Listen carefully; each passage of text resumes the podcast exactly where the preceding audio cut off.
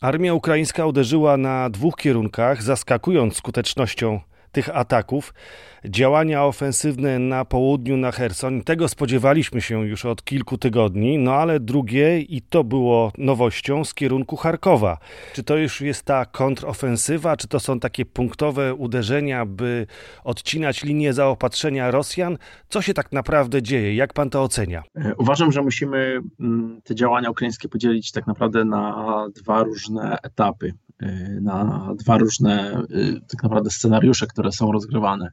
Gdyż atak na kierunku hersońskim, pierwsze dni tego ataku były dość chaotyczne, powiedziałbym, i Ukraińcy ponieśli naprawdę bardzo, bardzo duże straty. Po kilku dniach zmienili swoją taktykę trochę i skupili się bardziej na wykorzystywaniu danych wywiadowczych, satelitów, dronów i tak dalej. I faktycznie, i faktycznie to pchnęło ten, ten atak na nowe tory i pozwoliło Ukraińcom oswobodzić e, kilka miejscowości, ale tak naprawdę od kilku dni Kherson stoi. Ukraińcy nie są w stanie przebić się przez e, rosyjską obronę. Proszę pamiętać że, też, że na kierunku hersońskim Rosjanie tak naprawdę od kilku miesięcy przygotowali się do ukraińskiej kontrofensywy i tworzyli różne, różne linie obrony, więc wycofali się z tej pierwszej linii obrony, w ciągu tych pierwszych kilku dni ukraińskiego ataku i teraz y, bardzo mocno trzymają się drugiej, w niektórych przypadkach trzeciej linii. No i wydaje się, że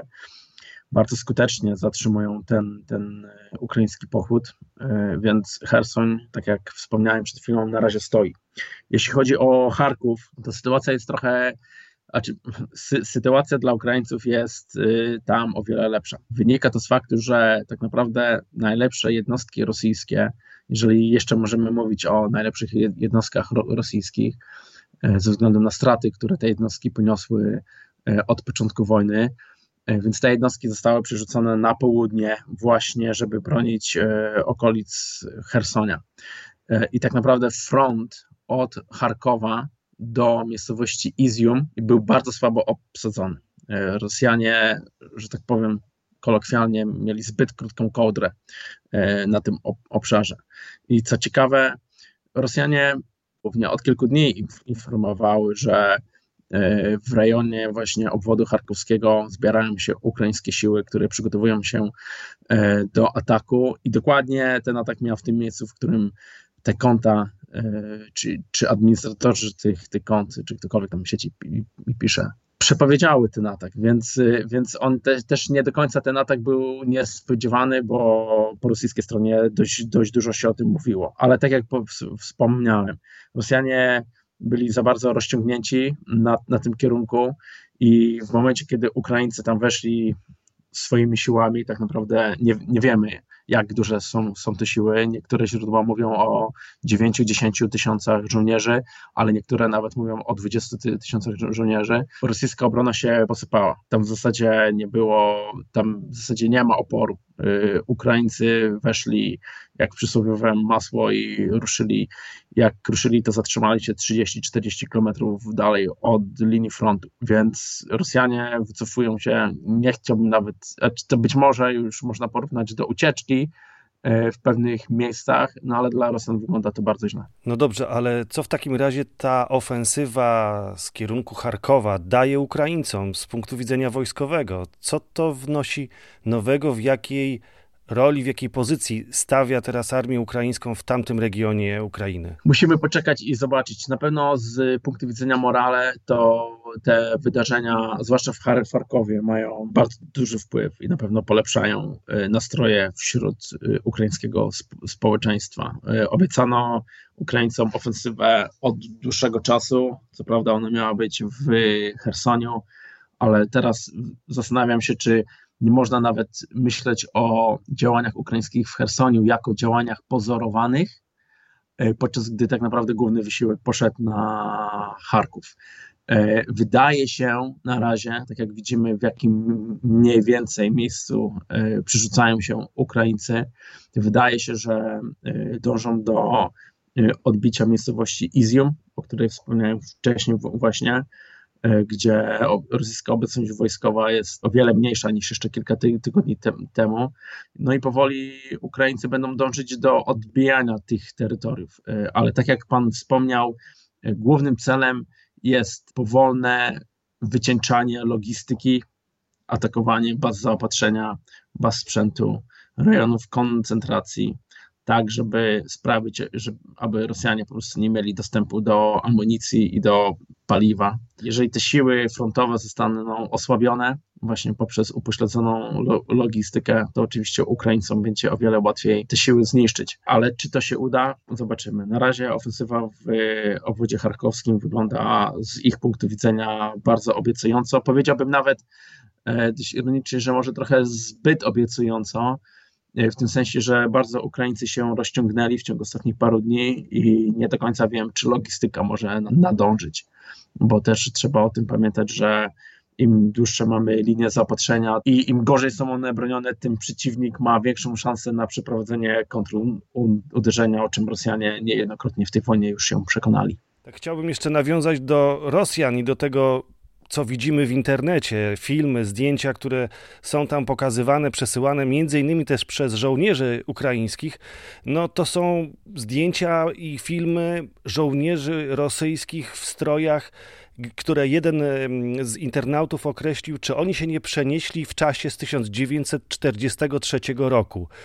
To pokazuje straszny stan armii rosyjskiej. Co to nam mówi o armii rosyjskiej, jeżeli chodzi o te działania bojowe, które to jest, komentujemy? To jest taki trochę dramat, jeśli chodzi o Rosję. Tak? E, od początku tego konfliktu było widać, że e, wyposażenie indywidualne żołnierza ukraińskiego jest o wiele lepsze niż żołnierza rosyjskiego. A to pokutuje, wydaje mi się, tym, tym przekonaniem czy ty, tymi założeniami, że Rosjanie nie nastawiali się na długą wojnę. Więc w momencie, kiedy ta wojna już się przed, przedłuża, bo tak naprawdę już trwała y, oczywiście 7 miesięcy nie, niemalże, to Rosjanie muszą wykopywać z demobilu wszystko to, co mają, żeby uzupełniać straty osobowe, żeby uzupełniać właśnie sprzęt indywidualny i tak dalej. No i okazuje się, że tego sprzętu po prostu y, zaczyna brakować, więc żołnierz, który jedzie y, na front, dostaje to, co jest na stanie, a niekoniecznie to, co jest mu najbardziej potrzebne. Jeszcze chciałbym, żeby pan odniósł się do słów prezydenta Wołodymyra Zełenskiego, który w przemówieniu oczywiście z jednej strony bardzo się cieszył i chwalił kontrofensywę, chwalił te sukcesy armii ukraińskiej, ale z drugiej strony powiedział, na razie nie jest jeszcze czas, by nazywać, by wymieniać nazwy tych miejscowości, które zostały odbite. To jeszcze jest nie koniec wojny, nie koniec tych wszystkich działań. Myślę, że to są takie też słowa w kierunku Zachodu, NATO, tych krajów, które zaopatrują Ukrainę, by powiedzieć, zaraz, zaraz, to jeszcze nie koniec, to dopiero zaczynamy, to jest ten moment, w którym nie możecie o nas zapomnieć. To są też te, te, takie działania wokół tej wojny, by nie zapomniano, by cały czas Ukraina miała to wsparcie. To chyba tak trzeba rozumieć, prawda? Tak. Na pewno musimy pamiętać o tym e, stale, żeby zarządzać swoimi, może nie tyle emocjami, ale swoimi oczekiwaniami co do tej wojny. E, więc ja bardzo mocno sugeruję, żeby kolokwialnie rzecz ujmując, nie napalać się zbytnio, gdyż proszę pamiętać, że Rosja w dalszym stopniu kontroluje ponad 20% terytorium Ukrainy i to, że Ukraińcy teraz odnoszą bardzo duże sukcesy w obwodzie charkowskim, to niekoniecznie znaczy, że te sukcesy mogą się przenieść dalej na inne obwody. E, oraz e, to też nie oznacza tego, że w innych obwodach będzie im o wiele lepiej.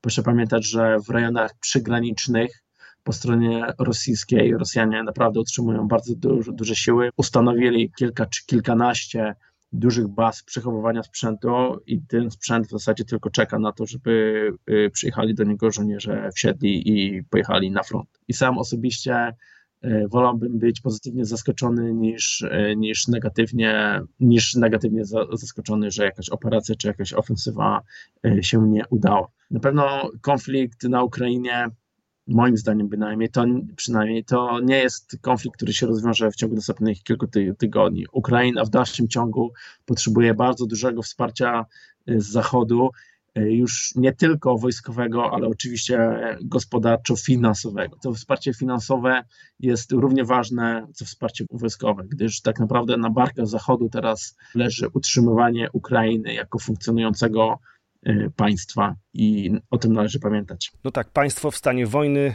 wymaga również pomocy na tak zwanych tyłach, bo to nie tylko front, ale też ludzie, którzy muszą w miarę normalnie żyć i to też jest bardzo poważne wyzwanie dla Zachodu, dla krajów wspierających Ukrainę i nie można o tym zapominać w tak szczególnym momencie, w jakim teraz jest Kijów i władze polityczne i ludzie mieszkający na Ukrainie. Dziękuję bardzo. Konrad Muzyka, Think Tank, Rohan Consulting był moim gościem. Dziękuję bardzo.